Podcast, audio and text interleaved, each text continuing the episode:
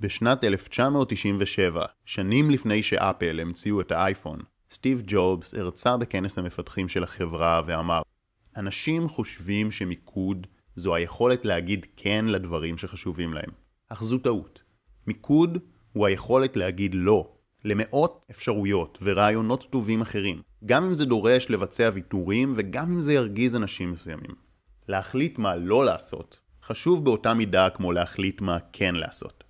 בנוסף הוא הסביר, פרודוקטיביות היא לא לעבוד יותר, אלא למנוע 80% מהעבודה שלא רלוונטית לצורך הפקת התוצאה. ההיסטוריה מספרת לנו שאפל אכן מיקדו את רוב מאמצי החברה כל פעם במוצר אחד והוציאו שורה של מוצרים פורצי דרך כמו האייפוד, האייפון והאייפד ובכך הפכו לחברה הרווחית ביותר בעולם באותה תקופה. מה שעבד טוב לאפל יכול לעבוד לכל אחד מאיתנו בחיים האישיים כי פעמים רבות נדמה שאנחנו עושים המון פעולות עובדים עם רשימת משימות מהבוקר עד הלילה, ועדיין יש תחושה שאנחנו לא ממש מתקדמים, שכל פעם צצות בעיות חדשות שצריך לטפל בהן ושלא השגנו תוצאה באמת משמעותית, שאנחנו יכולים להיות גאים בה ופשוט ליהנות מפירות ההשקעה. אבל זה לא חייב להיות ככה, כי יש דרך שמאפשרת לנו לעשות פחות ולהשיג יותר. הדרך הזו היא ליישם את אסטרטגיית סטיב ג'ובס, לדעת לבחור את המשימות שלנו בקפידה. להפסיק עם הטעות המחשבתית הנפוצה שגורסת שככל שפועלים ומשקיעים ביותר דברים, כך מקבלים יותר תוצאות. כי זה לא נכון. עלינו להבין שמה שלא פחות חשוב מהעשייה עצמה, זה גם לדעת על איזה עשייה צריך לוותר. ובין היתר, להיות מסוגלים לוותר על רעיונות מצוינים, הזדמנויות חד פעמיות ואפילו על פעולות שעשויות להכניס לנו כסף בטווח הקצר. כי פיזור של האנרגיה על המון מטרות אומנם נשמע טוב בתיאוריה, אבל במציאות זה גורם לנו להשקיע הרבה זמן וכסף בהמון כיוונים שונים, שכל אחד מהם בנפרד מגלם פוטנציאל גדול. אך כשמחברים את כולם ביחד, התוצאה עלובה ביחס לרמת ההשקעה. אז לפני שנסביר איך ליצור סדר עדיפויות ומיקוד בפועל, חשוב להדגיש שמיקוד אין משמעותו יציאה מאיזון או הזנחה של תחומים בחיינו.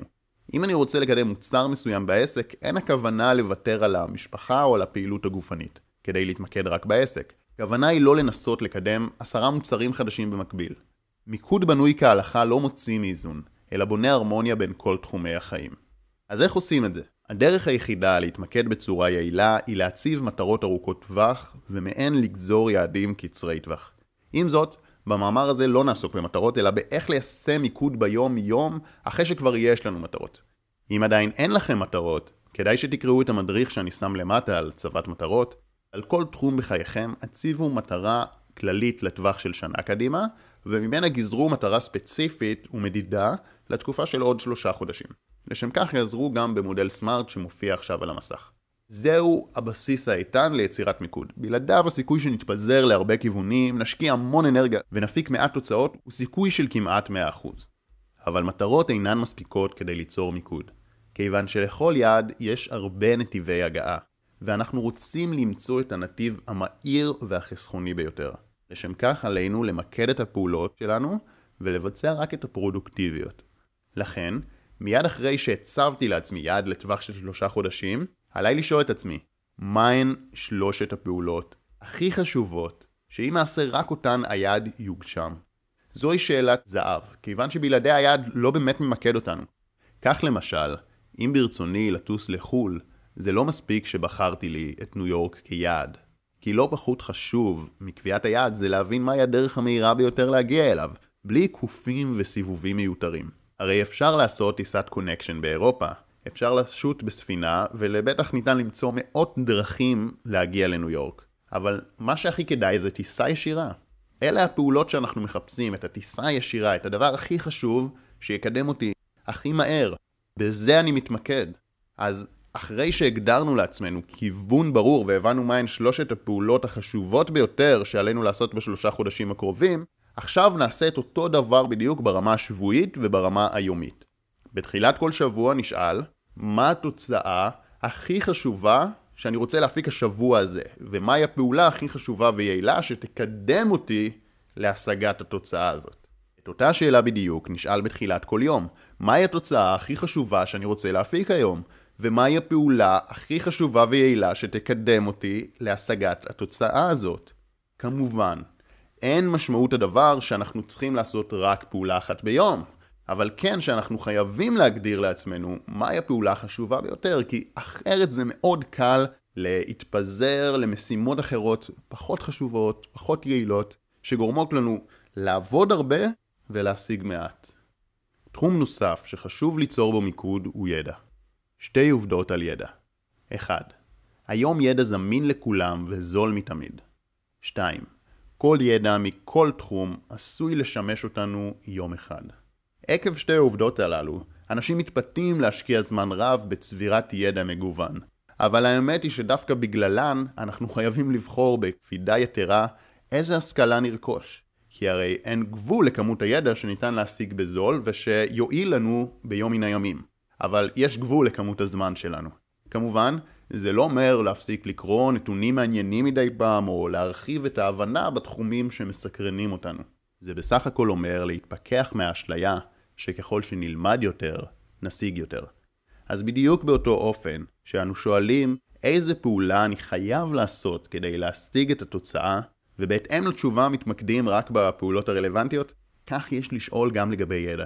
כי אחרת אנחנו נלמד בלי הפסקה, נרגיש יעילים ומלומדים, אבל בפועל המשכורת שלנו תהיה נמוכה מהרצוי. זה לא משנה אם הידע הוא בחינם, כיוון שמה שיקר זה לא הספרים, מה שיקר זה הזמן והקשב שלנו. עכשיו, הלך הרוח שצריך ללוות אותנו בהקשר הזה הוא חוק פרטו, או חוק ה-80-20. כלומר, 20% מהפעולות שנעשה והידע שנצבור יביאו לנו 80% מהתוצאות, ו-80% מהפעולות והידע יביאו לנו רק 20% מהתוצאות. לכן אין שאלה באיזה חלק עדיף להתמקד, אנחנו צריכים לחפש את ה-20% שיביאו לנו את רוב התוצאות. עכשיו הדרך המושלמת להפוך את צורת החשיבה האפקטיבית הזאת להרגל שמפיק לנו תוצאות שבאוטומט אנחנו מתמקדים בפעולות האפקטיביות ביותר, הדרך הזאת היא לתרגל את שאלת השאלות שהצענו באופן יומיומי. כי חשוב להבין, שאיפות, חלומות, רעיונות, לא חסרים לנו ותמיד יהיו. מה שחסר הוא זמן ואנרגיה להגשים אותם. ועל כך נאמר המשפט, יותר זה פחות ופחות זה יותר. אם ננסה ללכת לכל הכיוונים, נהיה לחוצים ומלאי משימות, אך בפועל נישאר במקום. לעומת זאת, אם נכוון ליעד אחד, נכבוש אותו מהר, ומשם נמשיך ליעד הבא.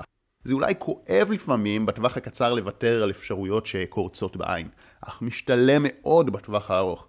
ומה שיפה בזה, הוא שהיישום של השיטה פשוט ביותר. בסך הכל לשאול את עצמכם שאלה אחת ביום, ולהוריד מעצמכם עומס ומטלות שמלחיצות אתכם לחינם.